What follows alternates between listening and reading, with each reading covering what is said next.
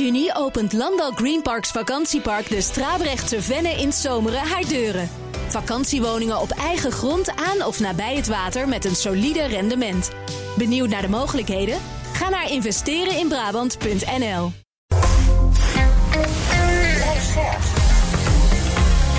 BNR Nieuwsradio. BNR breekt. Ivan Verrips. Goedemorgen en welkom. Vanaf half twaalf praat ik over het nieuws van de dag. Over het stikstofrapport van Johan Remkes dat om één uur wordt gepresenteerd. Maar Haagse traditie waar al dingen uit gelekt zijn. We praten over Elon Musk en Twitter. En over een extra belasting op webshop-pakketjes die bij je thuis worden bezorgd. In mijn panel vandaag Pieter Lossi, adviseur van de VO-raad. Goedemorgen Pieter. Goedemorgen. Fijn dat je er bent. En een debutant, Bob den Oude. De nieuwe voorzitter van de Jonge Socialisten. Nog maar twee weken. Welkom.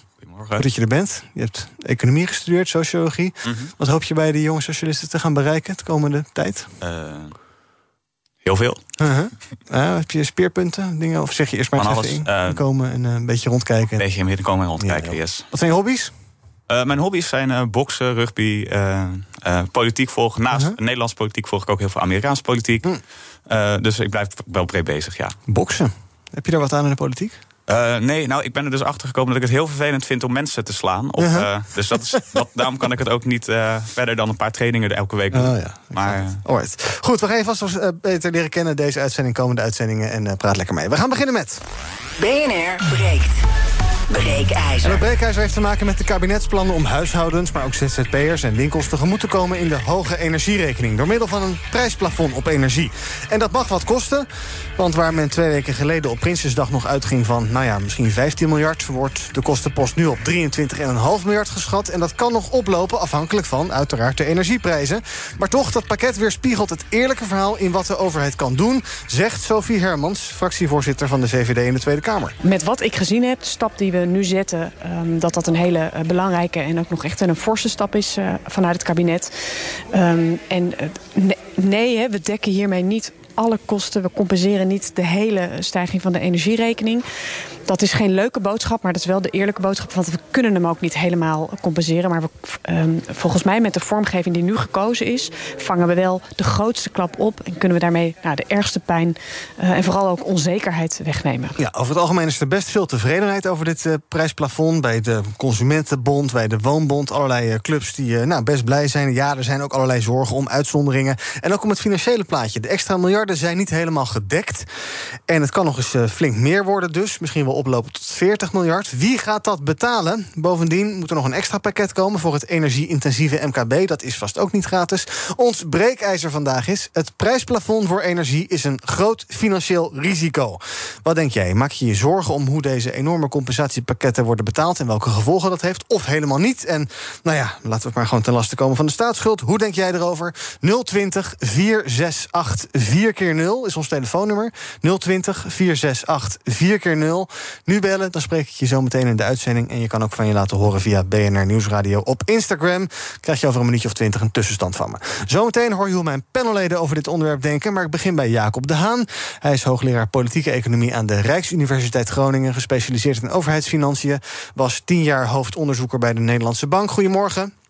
Goedemorgen. Ja, ons breekijzer. Het prijsplafond voor energie is een groot financieel risico. Wat denkt u? Nou, er zitten zeker risico's eh, aan vast. Ehm, de bedragen die zijn fors eh, en bovendien eh, nog onzeker. Eh, dus ja, dat, dat is wel een, een behoorlijk risico dat we hier gaan lopen. Ehm, waarschijnlijk gaat een groot deel gefinancierd worden door de staatsschuld verder te laten oplopen. Nu is dat op de hele korte termijn denk ik niet zo'n probleem. De miljoenennota gaat uit van eh, een 50% staatsschuldquote voor volgend jaar. Nou ja, als daar een paar miljard bij komt, is dat nog niet zo'n eh, zo'n drama, denk ik. Maar ehm, ja, op de langere termijn is het plaatje voor die staatsschuldquote toch wat minder gunstig. Dus er zitten zeker eh, behoorlijke risico's aan. Ja, van die eh 23,5, nou ja, misschien wel oplopend tot 40 miljard... is nu dekking eh, op papier, althans ja, virtueel dekking... voor 7, 8 miljard of iets dergelijks, de rest nog niet. Is dat een probleem of ehm, eh breien ze dat wel recht eh, de komende dagen? Nou, ik, ik denk niet dat ze dat eh, gaan rondbreien door eh, te bezuinigen op andere uitgaven of eh, de belastingen te verhogen. Dus mijn inschatting is dat dit voor het grootste deel toch eh, gefinancierd zou worden door extra overheidsleningen uit te gaan geven. Ja.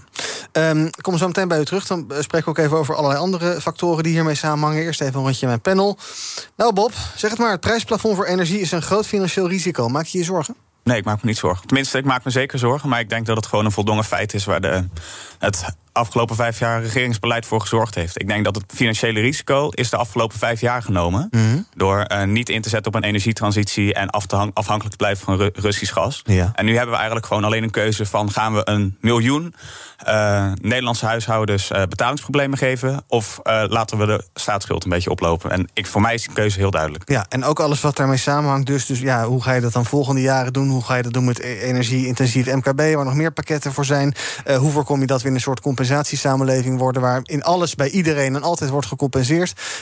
ja, dat baart jou niet principiële zorgen. Nou, het baart me heel veel zorgen dat er de afgelopen paar jaar gewoon geen fundamentele keuzes worden gemaakt. Uh-huh. En ik denk dat we die moeten gaan maken. Uh, maar ja, dus dat baart me zeker zorgen. Ja. Maar voor deze aan zich beslissing niet. Oké, dus we betalen nu de rekening voor het beleid van de afgelopen jaren. En die rekening is dan fors. Dat kunnen we Ja, ook dat, constateren. dat, dat weet ik. Daar ben ik ook absoluut niet Ja. tevreden over. Pieter, wat vind jij? Ja, ik vind het een heel dom plan. En ik zal je daarin meenemen. Eh, het, Het, is pri- het namelijk, prijsplafond. Ja, het prijsplafond. Omdat het eh, volgens mij korte termijnsdenken puur zang is. In de zin dat eh, energieprijzen de komende, nou, eh, komende tijd in ieder geval nog hoog zullen blijven. Is de verwachting omdat wereldvrede de komende tijd helaas niet plausibel lijkt. Eh, en dat betekent dat al die tientallen miljarden die nu worden uitgegeven aan korte termijn verlichting van fossiele consumptie. niet zijn gegaan naar lange termijn investeringen. om bijvoorbeeld eh, minder afhankelijk te worden van fossiele consumptie. Waarmee we dus letterlijk eigenlijk dweilen met een gaskraan open. wat ook financieel op lange termijn een doodlopende weg is. En mag je heel even kort meenemen in een financieel eh bierveeltje-plan. wat ik eh, vanochtend even heb uitgewerkt. Als je gaat kijken naar. Vanochtend een biertje op. Nee, dat niet. Maar wel een eh, financiële som gemaakt. Als je gaat kijken naar de installatie en de aanschaf van de warmtepomp, dan is dat eh, eenmalig 15.000 euro. Eh, met alle gelden die nu worden uitgetrokken, dus die 23,5 miljard, had je daarmee ruim anderhalf miljoen. van deze warmtepompen kunnen aanschaffen en installeren. Als je gaat kijken naar het aantal huishoudens in Nederland dat of in armoede leeft of met een risico op armoede, dan is dat ook precies anderhalf miljoen. Oftewel, je had al die huishoudens hypothetisch gezien van een warmtepomp eenmalig kunnen eh, voorzien. Ja. En wat betekent dat? Dat eh, als je nu gaat kijken naar de terugverdientijd van een warmtepomp, eh, dan is dat minder dan 10 jaar. Dus elke euro die een regering vandaag zou stoppen in bijvoorbeeld warmtepompen, dat levert voor een huishouden structureel meer dan eh 10 cent op per jaar. Eh, en dat betekent dat voor één huishouden eh, dat kan oplopen tot ongeveer 1000 euro eh, kostenreductie Uh-huh. op de energierekening aan het eind van het jaar. Ja. Dat betekent ook dat we op langer termijn met een dergelijk investeringsplan ervoor hadden kunnen zorgen dat we één veel minder afhankelijk zouden zijn geworden van alle fossiele consumptie. Twee, op langer termijn echt heel veel huishoudens in armoede of risico op armoede op langer termijn een beetje uit die neerwaartse spiraal hadden kunnen halen door op eh, duurzame wijze ook hen eh, tegemoet te komen in hun energierekening. En tegelijkertijd dat we niet heel veel miljarden, tientallen miljarden, nu hadden gestopt in de verlichting van fossiele consumptie. Terwijl we in een eh, ecologische crisis van je welste zitten. Oftewel, ik vind het een heel ondoelmatig en eh, kortzichtig plan. Ja, dan wil ik dit bierveeltje gelijk even voorleggen aan meneer De Haan. Ja, een leuk bierveeltje. Ehm, maar ik denk dat de mensen. Stel, stel, als ik even meega in de redenering. Hè, stel dat we al die mensen waar het nu over gaat. eh, van zo'n eh, pomp hadden voorzien. eh, dan hadden ze nu dus vooral een veel hogere energierekening gehad voor elektriciteit. Minder gas, maar toch wel een behoorlijk hogere rekening voor elektriciteit. En, en die zouden dus nog steeds in de problemen zijn gekomen. Dus ik bedoel, ik sta heel sympathiek tegenover die gedachte om ehm, al het mogelijke te doen om de energietransitie te bevorderen. Ehm, maar er ligt gewoon een heel acuut probleem dat heel veel mensen op dit moment eh, door oorzaken buiten hun schuld eh, en ook buiten de schuld van het kabinet of wie dan ook maar eh, te maken hebben met een rekening die ze niet meer kunnen betalen. Ja. Ehm, en ik, ik deel de zorg over zeg maar, het lange termijn perspectief. Ehm, het, dit is typisch korte termijn beleid. En dit kan ook niet al te lang duren. Want als we permanent iedereen op deze manier gaan subsidiëren, ja, dan is het, dan is het hek van de dam. Dus dat kan niet. Maar ik zie ook de maatschappelijke nood. En ik kan me heel goed voorstellen dat het kabinet dus zegt: daar gaan we wat aan doen. En dan vind ik deze maatregelen uh, veel beter dan andere maatregelen die eerder zijn genomen. Zoals uh, morrelen aan de BTW. Kijk, morrelen aan de BTW, dat komt iedereen ten goede. Terwijl deze maatregelen vooral ten goede komen aan zeg maar die delen van de samenleving die het het hardste nodig hebben. En bovendien ook de regeling is zodanig vormgegeven dat hij ook nog eens een keer een prikkel bevat om zo zuinig mogelijk om te gaan met energie. Nou, dat, dat lijkt me ook een heel goed, uh, goed idee. Bob? dus ik, ik snap best dat er aarzelingen zijn. Ja.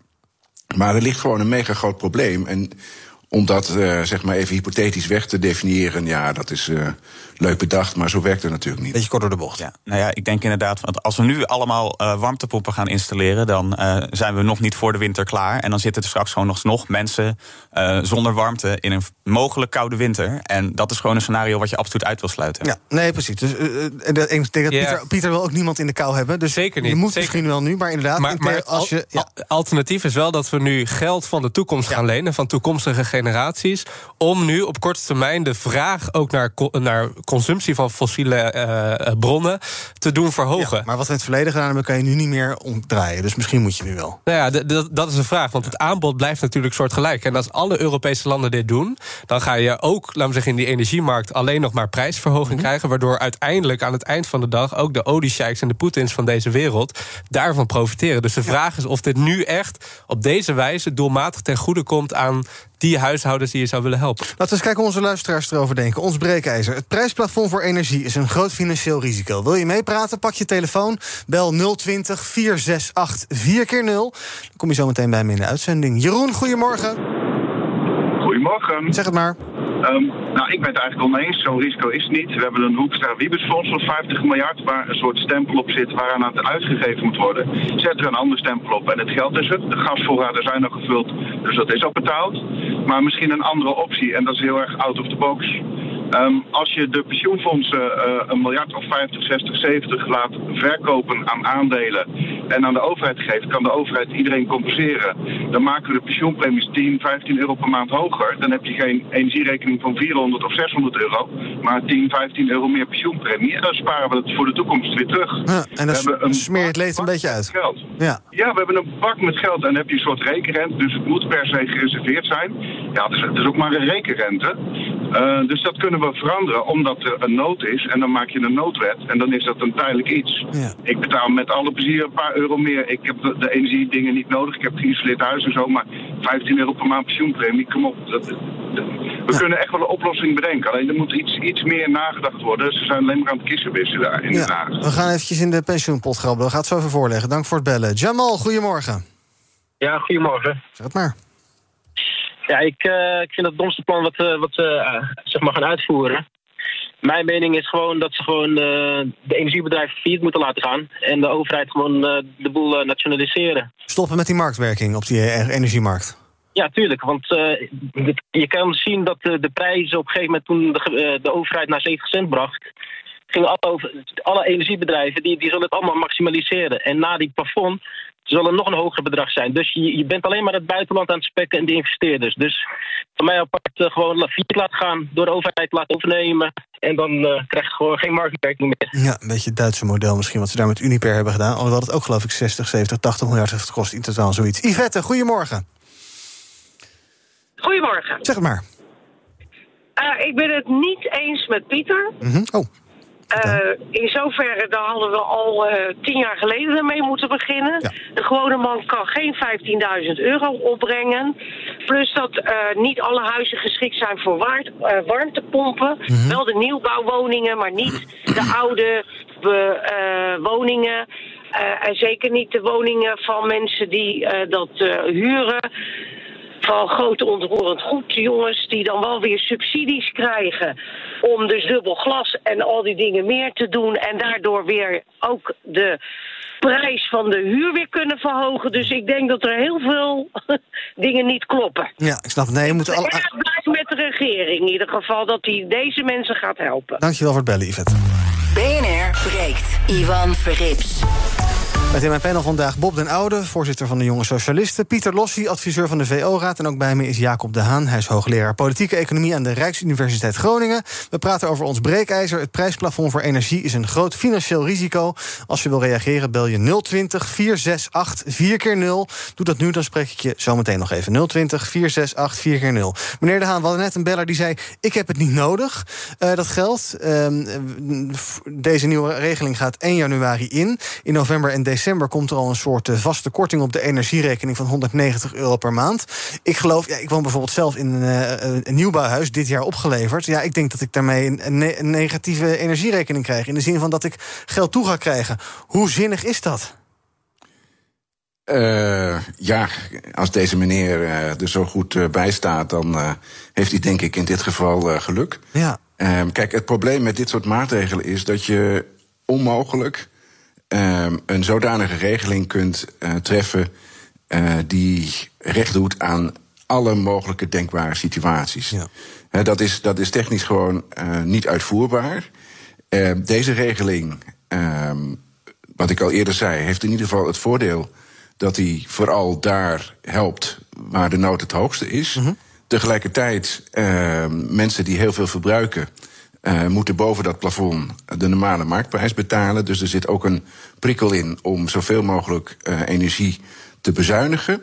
Uh, dus ik vind dit allemaal niet zo'n dramatisch slechte maatregel. Tuurlijk, um, er zullen altijd situaties zijn waarvan je zegt: ah, dat, dat pakt niet helemaal 100% lekker uit dat is nou een keer het vervelende bij dit soort maatregelen. Je kunt het nooit zodanig fijnmazig maken dat iedereen optimaal geholpen wordt.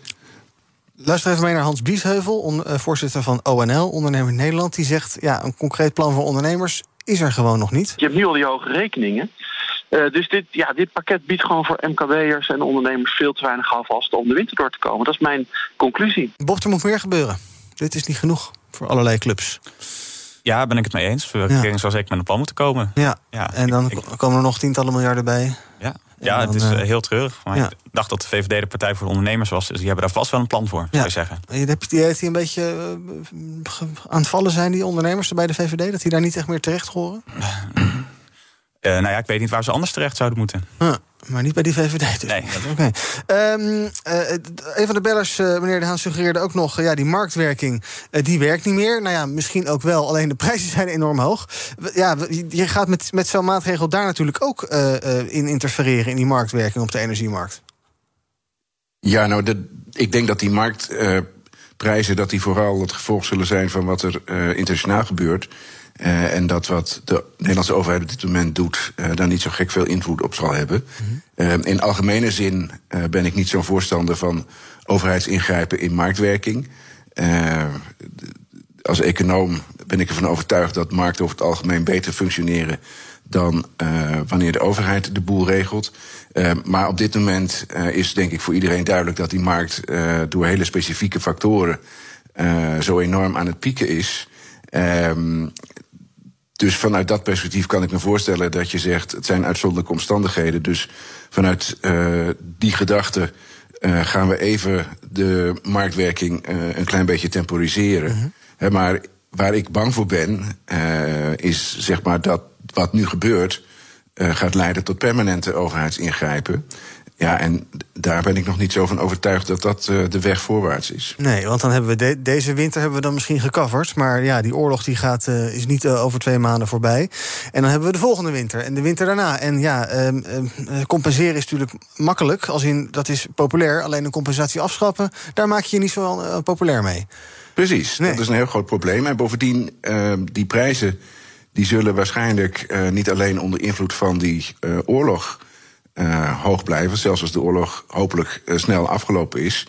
Maar dan nog zul je zien dat uh, door die energietransitie ehm, er een tendens zal zijn dat gas en olie duur zullen blijven. In ieder geval veel duurder zullen zijn dan de afgelopen periode het geval was. Dus als dat zo is, ja, dan kun je niet blijven doorgaan met het subsidiëren van van mensen uh, hun energieverbruik. Dus er zal, er zal ergens uh, ook een uitgang moeten worden bedacht. Kijk, het is leuk dat het kabinet nu met dit plan komt. En nogmaals, ik zie eh, de noodzaak en begrijp waarom ze dit doen. Maar tegelijkertijd vind ik het wel van belang dat je nu ook al nadenkt over uh, het langere termijn perspectief. Want je kunt onmogelijk doorgaan met het eeuwig en altijd blijven subsidiëren van, uh, van gas- en elektriciteitsprijzen. Hmm. Voordat ik de laatste twee bellers aan het woord laat, nog één vraag. U zei ja, er zit een uh, stimulans in om energie te besparen. toch, ehm, ja, er wordt gekeken naar mediane verbruik. 1200 kubieke meter gas, 2460 kilowattuur elektriciteit. ja, als je, laat ik maar zeggen, zo'n mediane gebruiker bent, dan kan je toch eigenlijk precies hetzelfde gaan doen als vorig jaar uh, met zo'n energieplafond. Dus zit, er, zit daar inderdaad voldoende uh, ja, uh, stimulering om inderdaad te verduurzamen, om te besparen. Ziet u dat daadwerkelijk of slaan we dat nu eigenlijk even een jaartje over?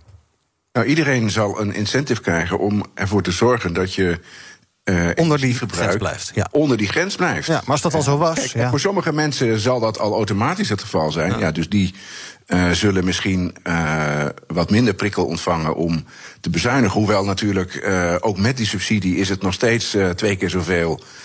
wat je aan gas en licht betaalt mm -hmm. dan, dan een tijd geleden. Dus nog steeds bestaat er een hele duidelijke prikkel. Ook voor die mensen om het zo zuinig mogelijk aan te doen. Maar die prikkel is natuurlijk sterker voor mensen die in de buurt of juist over die grens uh, van dat plafond uh, schieten. Ja. Uh, die, die zullen helemaal een prikkel hebben om te proberen om in ieder geval zoveel mogelijk beneden dat plafond te blijven. Ja, onder te komen, anders gaan ze de hoofdprijs betalen. Tot slot van het half uur nog de twee laatste bellers. Fred, goedemorgen. Goedemorgen met Fred. Zeg het maar. Men vergeet dat er volgend jaar verkiezingen zijn. Mm -hmm. En dan is het van groot belang voor D66 en de VVD dat ze de mensen tot uh, een bepaalde hoogte uh, gunstig stemmen. Mm -hmm. U ziet er politiek in. dat gewoon. Ja. En men vergeet ook dat de Eerste Kamer op dit moment activistisch is. Mm -hmm. En dat wil men een beetje camoufleren allemaal door de mensen gunstig te stemmen. Ja, duidelijk. Dat moeten we niet uit het oog verliezen. Dank voor het bellen dat het allemaal politiek is. En uh, Sjoerd, tot slot. Jij wil geloof ik nog uh, reageren op het uh, bierviltjesverhaal van Pieter. Ja, dat, dat klopt inderdaad.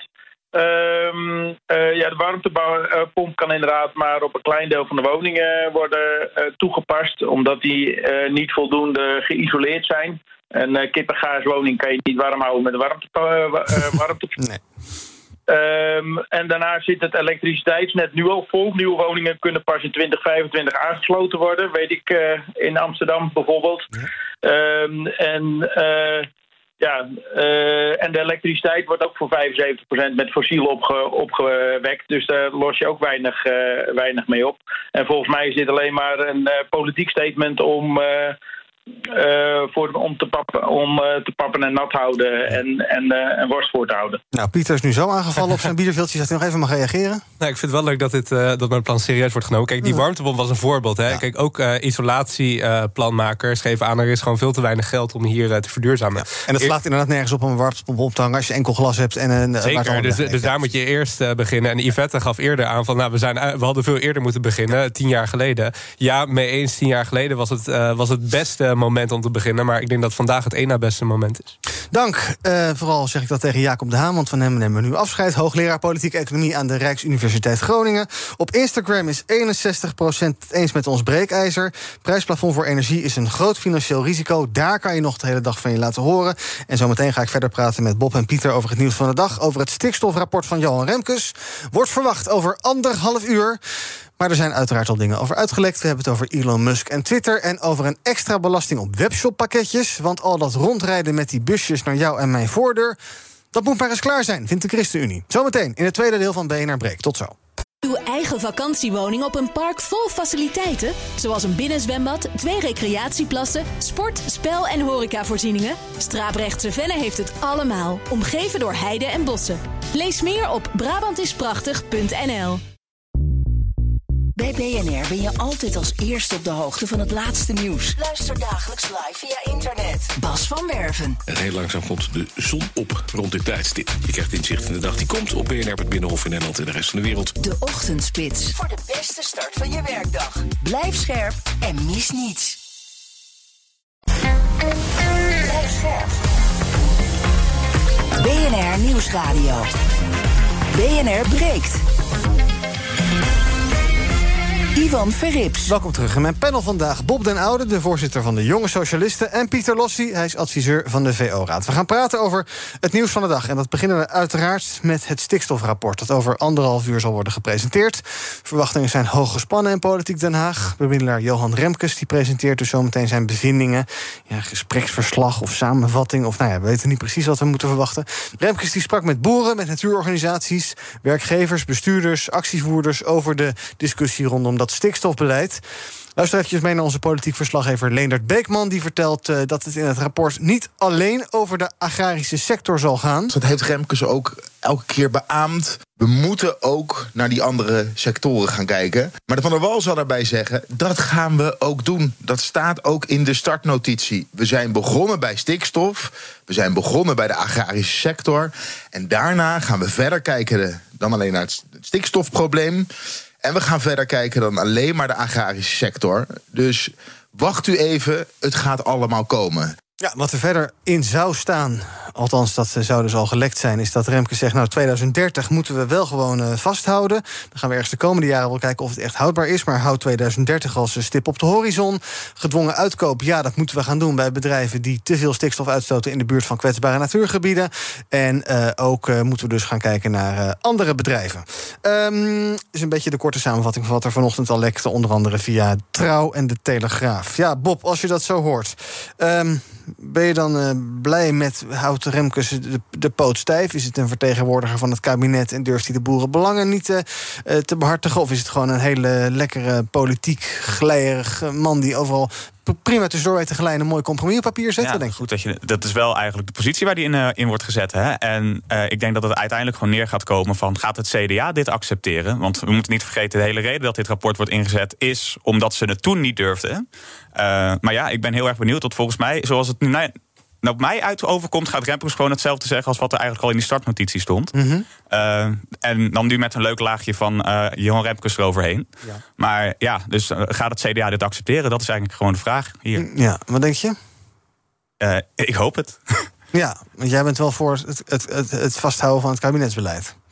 Uh, nee, ik vind dat het kabinetsbeleid niet ver genoeg gaat. Maar ik ben ja. eigenlijk heel erg voorstander van het feit dat ze iets gaan doen. Uh -huh. Want dat doen ze al vijf jaar niet. Nee. Dus uh, in die zin zou dit dan wel een doorbraak zijn dat er dat minstens nog iets gebeurt. Mm -hmm. Pieter, als jij zo uh, hoort wat er al een beetje gelekt is. Is dat het ultieme compromis? Of staat Farmers Defence Force vanmiddag weer bij allerlei ministers voor de deur en met tractoren op het binnenhof enzovoorts? Nou ja, als je Remkes of de, eigenlijk de uitgelekte plannen zo hoort, dan lijkt het wel alsof ze redelijk vast hebben gehouden aan hun idealen.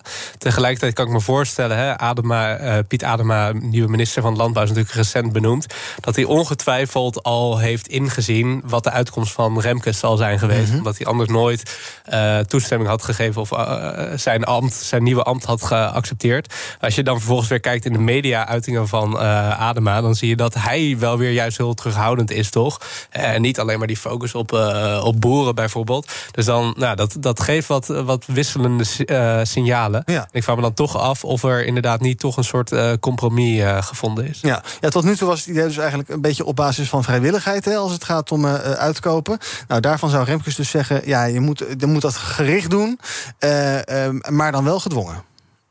Ja, en dat is ook nodig. Hè? Ik bedoel, uh, feit is dat we gewoon echt een grote ecologische neergang hebben in de natuurgebieden in Nederland. En dan kun je hele generieke en vrijwillige maatregelen uh, gaan nemen waar je heel ondoelmatig heel veel geld naartoe laat gaan. Of je inderdaad uh, kan de, de klappen wat meer concentreren, Mhm. mm -hmm. waarbij dus ook iets van vrijblijvendheid wordt ingeleverd. Waarbij je dan wel inderdaad goed moet kijken hoe je ook vervolgens bij die boeren die iets van vrijblijvendheid moeten inleveren, hè, naast hen kan staan om te kijken uh, hoe kunnen we je compenseren financieel ja. of uh, ook emotioneel. En hoe kunnen we er ook voor zorgen dat je uh, een verdienmodel hebt in een, een, sector die in ieder geval niet een dergelijke stikstofbijdrage heeft. Dat is dat toekomstperspectief. Precies. Ja, want daar ontbreekt het ook aan.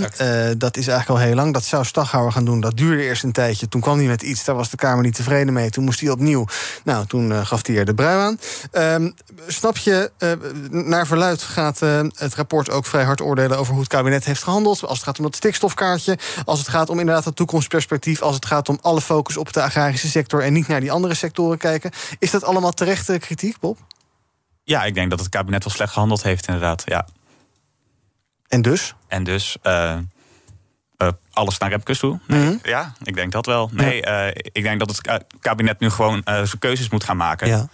En nou waar ook gewoon een keer gaat zeggen van... oké, dit is het rapport, dit, dit gaan we nou gewoon een keer uitvoeren. En dan...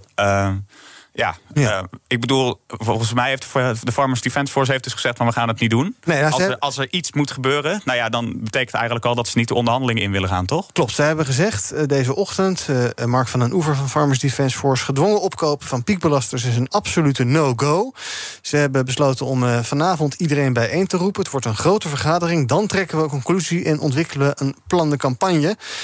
maar ze wachten uiteraard eerst Remkes af. Maar als er dus iets in staat als het gaat om piekbelasters uitkopen, dan uh, nou, ik denk ik dat we weer uh, demonstraties tegemoet ja, gaan. Ja. En dat vind ik een hele slechte zaak eigenlijk. Want het lijkt me juist een hele goede zaak dat die piekbelasters eruit gaan. met op de juiste manier natuurlijk. Want juist dan kan je voorkomen dat er heel veel andere boeren niet uitgekocht hoeven te worden.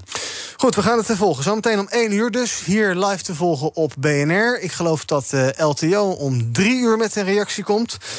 nou, Farmers Defence Force gaan we dus vanavond horen of eerder. Het zal ook interessant zijn om te kijken naar die wat radicalere groepen. Het kabinet heeft anderhalve week nodig om een reactie te formuleren. Is dat, Ja. uh, is dat terecht, Pieter? Nou, dat lijkt me wat lang. Zeker ook omdat we natuurlijk omdat die uh, vanuit de Hoge Raad al heel lang is kenbaar gemaakt dat de hele pasaanpak niet deugt. En we nu al zo lang bezig zijn om met plannen te komen en werkelijk uh, op uitvoering over te gaan. Kijk, 2030 wordt elke dag komt dichterbij. Hè? Dus we kunnen daar wel heel lang over blijven steggelen. maar uiteindelijk moeten we ook gewoon dingen gaan doen. Alright, uh, nou ik zei het al dus, 1 uur. En dat is tijdens het programma van... Uw eigen vakantiewoning op een park vol faciliteiten? Zoals een binnenzwembad, twee recreatieplassen, sport, spel en horecavoorzieningen? Straaprechtse Venne heeft het allemaal, omgeven door heide en bossen. Lees meer op Brabantisprachtig.nl Bij BNR ben je altijd als eerste op de hoogte van het laatste nieuws. Luister dagelijks live via internet. Bas van Werven. En heel langzaam komt de zon op rond dit tijdstip. Je krijgt inzicht in de dag die komt op BNR, het Binnenhof in Nederland en de rest van de wereld. De Ochtendspits. Voor de beste start van je werkdag. Blijf scherp en mis niets. BNR breekt. Klinkt een beetje als Rucola, maar dat is.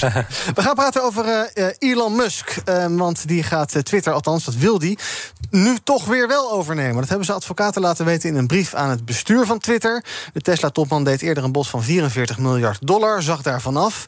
Hij vond het toch te hoog, omdat hij vond dat Twitter had gelogen over het aantal nep-accounts. Nou, Twitter vond dat dan weer onrechtmatig, stapte naar de rechter over de stuk gelopen overname. Er zou een zaak dienen over, ik geloof, 12 dagen. En nu is er dan plots weer het bericht dat ja, Musk toch weer wel de portemonnee wil trekken en 44 miljard dollar uh, aan het bedrijf wil gaan overmaken om het vervolgens over te nemen. Uh, ik heb eventjes gekeken, Pieter. Jij bent een twitteraar niet heel actief. Je laatste tweet was uh, een reactie aan Kirsten van der Hul op 31 augustus. Heel tof, Kirsten, van harte. Die heeft een nieuwe baan, denk ik dan. Ja, maar die komt misschien weer terug in de Kamer. Dus ah. moet ik nog een keer een felicitatie. Oké. Okay. Um, en bij Bob, als ik, ik heb even bij jou gekeken. jij zit, zit jij op Twitter? Ik heb nog geen Twitter, nee. Nee, want ik zocht op je naam. Ik vond wel 10 accounts op jouw naam. Uh, eentje met de username awesome as fuck. Maar dat, dat ben jij denk uh, ik niet. Kan ik, nee, dat nee, is okay. helaas nee, ja, het had, Echt waar, het is geen grap. Bob de Oude. Oh, dat is hier goed. Oké, okay. um, nou ja, misschien dat, dat nog volgens mij. Ja. Maar daar ben ik wel benieuwd naar, Bob. Uh, Twitter, Waar, waarom zit je er niet op? Want het is ook onder politici best wel een ding, toch? Nou ja, ik ben zelf altijd heel erg van belangrijk genuanceerde discussies. En, oh ja, dan moet je niet op Twitter zijn, nee. nee. exact. Nee. En dan, ja, precies. Dus ik volg het wel allemaal. Alleen zelf die tweets, de, de eter insleuren is niet... nee is niet uh, mijn... En ook in je rol als voorzitter van de Jonge Socialisten? Uh, daar zeker in wel. Maar wij ja, hebben gewoon een, ja, een corporate account. En dan ja. hebben wij daar gewoon mening over. Oké. Okay. Um, nou, uh, Musk goed idee dat hij Twitter overneemt? Is het, vind je het heel belangrijk? Op zich, ja, het is wel een soort van vrijheid van meningsuiting ding ook. Heel veel, het is best een essentieel uh, toeltje ook in de hele nieuws- en journalistiekwereld. Het is niet heel onschuldig. Nee, ja, ik denk dat we tegenwoordig een informatievoorziening inderdaad ook met Facebook en Twitter uh, zien dat, uh, dat mensen daar steeds meer communiceren en dat ook steeds meer als een public space zien. Hè? Mm -hmm. dus of dat allemaal in de handen moet komen van één grote biljonair met grootheidswaanzin, dat lijkt me inderdaad niet zo'n goed plan. Mhm. Voor hemzelf, uh, ik, vind, ik vind het heel erg interessant dat hij dus uh, een paar maanden geleden dat bod heeft gedaan. En dat nu weer precies voor datzelfde bedrag uh, nog een keer dat bod gaat doen. Ja. dus al die bombarie eromheen, ik snap niet zo goed waar dat dan goed voor was geweest. Nee, heb jij daar een idee over, Pieter, wat daar gebeurd is? Is dit gewoon spielerij van Musk en probeert hij iedereen lekker te bespelen? Of is die misschien helemaal goed bij zijn hoofd? Kan ook. Ja, het kan twee dingen zijn. Of het kan financieel gewin teweeg hebben gebracht. ik bedoel, als je alleen maar kijkt naar alle koersschommelingen op de uh, aandelenmarkt van uh, Twitter, dan zijn die echt uh, immens. Nou, dat gaat echt om vele tientallen miljarden. Daar is veel geld te verdienen. Volgens mij zou een SEC daar even goed naar moeten kijken. Maar dat kan natuurlijk ook gewoon versterking van de strategische onderhandelingspositie zijn. Mm -hmm. eerst je, je opponent een beetje zwart maken, een bepaalde hoek indrukken. En op het moment dat nou, de boardroom vanuit Twitter zoiets heeft van ah, waar zijn we beland en uh, hoe komen we hier nog uit? Ja, dan, dan heeft Elon Musk vervolgens meer te zeggen over zijn eisen ten aanzien van die deal. Ja. Uh, die, dat, laten we zeggen, dat koopbedrag dat is natuurlijk aan de voorkant. Hè, dus dat is gelijk gebleven. Maar we weten niet wat aan de achterkant van die deal uh, in de loop van de tijd veranderd is. Ja, ja, ja. ik zag uh, in de New York Times een stukje. Die schreven iets als de enige winnaars van dit hele conflict zijn uiteindelijk de advocaten. Want die lopen met heel erg veel geld weg. Musk heeft bekendgemaakt via Twitter uiteraard dat hij ja, Twitter onderdeel wil maken van een soort allesomvattende app. X moet dat, geheten, uh, moet dat ding gaan heten. Een soort ja, app waarmee je dus alles kan. Doet een beetje denken aan uh, WeChat of misschien uh, ja, een beetje GoCheck-achtig iets. Een app waarin je kunt chatten, winkelen, bankieren, gamen. Dus eigenlijk een app die alle apps overbodig maakt. Dan krijg ik toch wel een beetje nachtmerriebeelden, denk ik. Nog meer dan ik al had, misschien. Bob? Ja, nee, dat lijkt mij inderdaad een absolute dystopie om in het volledige machtsspelletje van uh, Musk mee te worden genomen. Ja. En die, nou, uh, in mijn opzicht, die man heeft geen goede intenties uh, voor de mensheid. Dus laten we daar vooral kritisch op zijn. Ja, hij wil ons naar andere planeten brengen, toch? Ja, ja, nou dat, is aan zich bewijst misschien. Ja, nou ja, hij wil zichzelf vooral naar andere planeten brengen. En dat verkoopt hij dan alsof de mensheid meegaat. Maar daar ben je wel voorstander van, dat hij naar andere planeten dat, Nou ja, dat, dat, nou, ja, nou ja, de aarde uit. Ja, okay. ja precies. Ja, okay. uh, uh, hoeveel apps heb je op je telefoon? Ongeveer. Oeh. Uh, heb je in, in of Een iPhone-ding, vier pagina's, denk ik. Oh ja. Maar ja, als dat allemaal in één appje zou kunnen zitten, is wel lekker makkelijk. Ja, dat, dat zeker. Maar... Ja. Hm. Allesomvattende uh, app X, Pieter, ga je er gebruik van maken? Nou ja, totdat er een keer natuurlijk een storing is... of totdat het een keer gehackt wordt, oh, ja. en dan ben je ook alles kwijt. Dus nou, als dat echt alles bij elkaar uh, komt... en het staat onder het bewind van uh, Elon Musk... en hij blijft zulke radicaal domme uitingen doen... over bijvoorbeeld nu Oekraïne... dan voel ik oh, ja. niet echt de zware behoefte om daar gebruik van te gaan maken. Alright. We gaan kijken wat jullie op was gevallen in het nieuws vandaag... in de afgelopen dagen. Bob, jij wil het hebben over minister Adema. Zijn ja. naam is al gevallen. Die uh, um, moet een uh, handtekening terug gaan nemen. Vertel. Ja, nou ja, hij heeft, dus onze nieuwe minister van Landbouw, maar van de ChristenUnie heeft hij als oud-voorzitter van de ChristenUnie ook een manifest ondertekend tegen de transgenderwet die er eventueel doorheen gaat komen in de Tweede mm -hmm. Kamer. Uh, hij vindt dat geen goed idee. En uh, nou ja, het kabinet is natuurlijk van mening dat het wel moet gebeuren. Dus daardoor had hij, heeft hij dus officieel. Het staat nog steeds, ik heb het net nog even gecheckt. Ja. Zijn naam staat er nog steeds tussen. Uh, gaat hij tegen het kabinetsbeleid in. Dus dat heeft hij nu schriftelijk al teruggenomen. Maar ja, het is natuurlijk wel een pijnpuntje binnen, binnen een wet die, waar het kabinet al verdeeld over is. Oké, okay. dus hij heeft schriftelijk al wel gezegd dat hij niet meer achter die handtekening staat. Ja. Dus hij verloogt een beetje zijn eigen idealen. Ja. Ja, want het gaat om dat gendertwijfelstuk, hè? Ja, correct. Uh, uh, wat vind jij daarvan, van die, van, die, van die campagne? Het hangt, bushokjes hingen of hangen ja. er ook vol mee? Nou ja, het, het eerste standpunt waar zij mee komen... is dat ze heel erg bang zijn dat, vrouw, of dat mannen zich als vrouwen uh, gaan identificeren... zodat ze kleedkamers in kunnen. Ja. Ja, dat, ik weet niet. Je moet nog steeds naar de gemeente om het te registreren. Hè? Mm -hmm. Dus ik vraag me echt af hoeveel mensen in Nederland de moeite gaan nemen om hun geslacht te veranderen. Of een gender. Ja. Zodat ze in een kleedkamer ergens naartoe kunnen. Maar op dit moment, volgens mij, is het officieel niet verboden om in een kleedkamer, in een vrouwenkleedkamer te zijn. Als, ik bedoel, het is sociaal ongepast. Mm -hmm. Dus ik, ik snap echt niet wat dat argument is. En ik, ik vind zeg maar, als dat zeg maar iets is wat jij zo belangrijk vindt ja. als manifest, dan. Uh, dan, zal, dan, dan, heb je volgens mij geen sterke argumenten. Oké, okay, denk je dat je als man in een vrouwenkleedkamer mag zijn? Denk het niet hoor. Nou, Ik, ik heb het opgezocht. Volgens mij. vol- vol- ja, het is wettelijk niet verboden. Oké, eh, dat je dan bij de deur staat dat je zegt... ik moet naar binnen, anders is het discriminatie. Nou, Oké, interessant. Ehm, eh, jij vindt dus hij moet zijn handtekening terugnemen. Aan de andere kant, in de coalitie is er ook heel veel twijfel over. Want ja, VVD weet eigenlijk ook niet meer wat ze willen. Dus er wordt er heel wat gedraaid op dit onderwerp. dus de vraag is ook maar of er nog steeds een meerderheid is... voor die nieuwe transgenderwet. Dus ja, is het heel erg van belang of is het vooral symbolisch... dat hij dat dan moet doen van jou? En bovendien, wat levert het hem op? Want ja, in zijn hoofd zal hij misschien toch anders over dit onderwerp denken nog. Ja, nee, het, het lijkt me heel erg belangrijk dat die wet er komt. Dus dat hij ook gewoon, als, ka- als het kabinet eh, ervoor is, dat hij er ook zijn steun voor uitspreekt. Ja. Ja. Nou, wordt dan interessant, want ja. of hij er echt achter staat is een tweede. Pieter, jij wil het hebben over een eh, artikel uit het Parool vandaag. Amsterdamse voortgezet onderwijs komt 340 fulltime leerkrachten tekort, meldt het Parool. Eh, er werden allerlei onconventionele maatregelen overwogen, maar ja, dat helpt niet genoeg. Op meerdere scholen vallen lessen uit, worden vaklessen vervangen door studielessen, waarin slechts huiswerk wordt gemaakt. In de praktijk eh, blijkt dat welke maatregelen er ook genomen worden, dat die voor veel scholieren te laat komen. En dus levert het gewoon problemen op. Sommige scholen vallen hele vakken weg. Ehm, ja, nou, adviseur van de VO-raad, komt u maar. Adviseer maar even, wat Ja. gaan we hier tegen doen? Ja, het is natuurlijk een ontzettend groot probleem. Eh, en we weten dat dit al een probleem is. Dat weten we al jaren. Eh, we weten ook dat eigenlijk dit lerarentekort de komende jaren alleen nog maar groter gaan worden. Eh, en we zien dat scholieren en het onderwijs eh, in zijn totaliteit last heeft gewoon van dit probleem voor ook de onderwijskwaliteit. We hebben ook in de coronacrisis gezien dat eh, op het moment dat scholieren weinig structuur hebben of vaker thuis zitten, dat dat echt ten koste gaat van mentale gezondheid. Eh, nou, inmiddels geeft ook één op de zes scholieren aan te kampen met suïcidale gedachten. Dus leraren zijn daarin ontzettend essentieel. En we missen dus alleen al in Amsterdam 340 eh, fulltime banen. Eh, en nou, je kan dan, eh, je moet volgens mij dan gaan denken aan radicale maatregelen om dat eh, te gaan veranderen. Wat heeft Utrecht nou recent gedaan? Die heeft gezegd bij, de, bij nieuwbouw van huurwoningen, sommige projecten, dan gaan we voorrang geven aan docenten. Die voor Mhm. het onderwijs staan, die eh, 0,6 FTE of meer werken. En volgens mij is dat ook heel hard in Amsterdam nodig, omdat je ook bij de lerarengroep ziet dat zij last hebben van deze inflatie- en energiecrisis. En daardoor soms ook niet meer in staat zijn om eh, nou, ergens in het eh, centrum of eh, rondom het centrum van Amsterdam te kunnen wonen, waar een belangrijk deel van de scholen ook aanwezig zijn. Ja. Dus volgens mij ligt daar een belangrijke stap. Ook omdat je, nou, we hebben nu inmiddels zoveel bullshit-industrie ook in Nederland. Kijk alleen maar bijvoorbeeld naar de gokindustrie, die jaren ook weer eh, met honderden miljoenen aan, aan omvang eh, groeit. Voor mij is het belangrijk om als kabinet ook in eh, je keuze voor huurders in woningbouw te gaan prioriteren op wat echt maatschappelijke waarde toevoegt.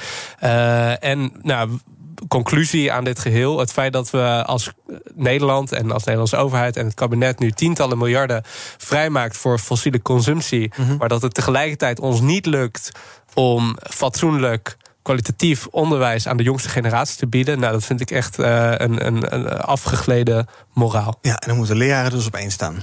Wat mij betreft wel. Kijken we nog even wat er trending op de socials momenteel. Nou, onder andere hashtag stikstof, 1 uur die presentatie. Ook trending hashtag AjaNap. En dat heeft alles te maken met de pijnlijke tafereel... dat zich gisteravond afspeelde in de Johan Cruijff Arena. Ajax verloor met eh, 6-1 van Napoli in de speelronde van de Champions League. Ook populair hashtag griep. Nu de dagen korter en kouder worden, komt ook het griepseizoen er weer aan. Veel twitteraars hebben last van verkoudheid en andere griepkwalen. En ook wordt gevreesd voor een nieuwe opmars van het coronavirus. Ehm, en ook nog trending hashtag Lancelot. De hashtag eh, verwijst niet naar het karakter uit de Ridders van de Ronde Tafel... maar naar de nieuwe zoon van Thierry Baudet. Na veel speculaties werd namelijk bekend dat dat de naam is van de pasgeborene. En verder staat nog bovenaan in het lijstje trending hashtag thuisbezorging. En dat gaat over dit soort beloftes. Morgen gratis thuisbezorgd. Zelfs op zondag of vandaag nog. ChristenUnie wil dat, je daar, eh, dat, we daar, dat we daar vanaf gaan... en dat er een soort belasting komt op het thuisbezorgen van pakketjes... zodat we dus minder thuis bezorgen... en ja, meer misschien gewoon lekker zelf op post, eh, postpunten gaan ophalen... en niet eh, busjes door allerlei wijken bij el- elk huis stoppen elke dag. Goed idee? Wel, het, li- het lijkt me goed dat we efficiënter eh, met bezorgingen omgaan. Want op dit moment is het inderdaad wel erg intens soms de, a- het aantal busjes wat door de straat rijdt. Mhm. Tegelijkertijd vraag ik me af of eh, zo'n belasting nou de manier is om dat te bewerkstelligen. Je misschien eh, toch op een andere manier naar kijken. Want nou ja, de fiscus is op dit moment niet zeg maar de, het meest efficiënte Nee, de uitvoering wordt een drama, ja. En ah, nou ja, dus vo- voordat we, met een, voordat we ook met een pakjestarieven affaire zitten, zou Ja. ik dat op een andere manier oplossen. Nobel idee, Pieter? Nee, ja, ik sluit me eigenlijk wel heel erg aan bij Bob. Volgens mij kun je veel uh, efficiënter uh, tax gaan invoeren op dingen die je echt niet als samenleving wil. Uh, de vraag is ook hè, of mensen nou zelf naar een bouwmarkt of een supermarkt of een techbedrijf rijden, of dat zo'n bedrijf naar jou komt. Hè, dat kan om het even zijn, is niet altijd het geval, maar kan wel. Dus de vraag is of dit nou echt het idee is dat ons naar die duurzamere, verkeersveiligere Nederland gaat brengen. De laatste woorden waren voor Pieter Lossi, adviseur van de VO-raad. En ook dank aan Bob den Oude, voorzitter van de Jonge Socialisten. Fijn dat jullie er waren vandaag. Morgen ben ik er weer met BNR. En we gaan nu heel snel door met Zaken doen met Thomas van Zel. Tot morgen. Uw eigen vakantiewoning op een park vol faciliteiten? Zoals een binnenzwembad, twee recreatieplassen, sport, spel en horecavoorzieningen? Straaprechtse Venne heeft het allemaal, omgeven door heide en bossen. Lees meer op Brabantisprachtig.nl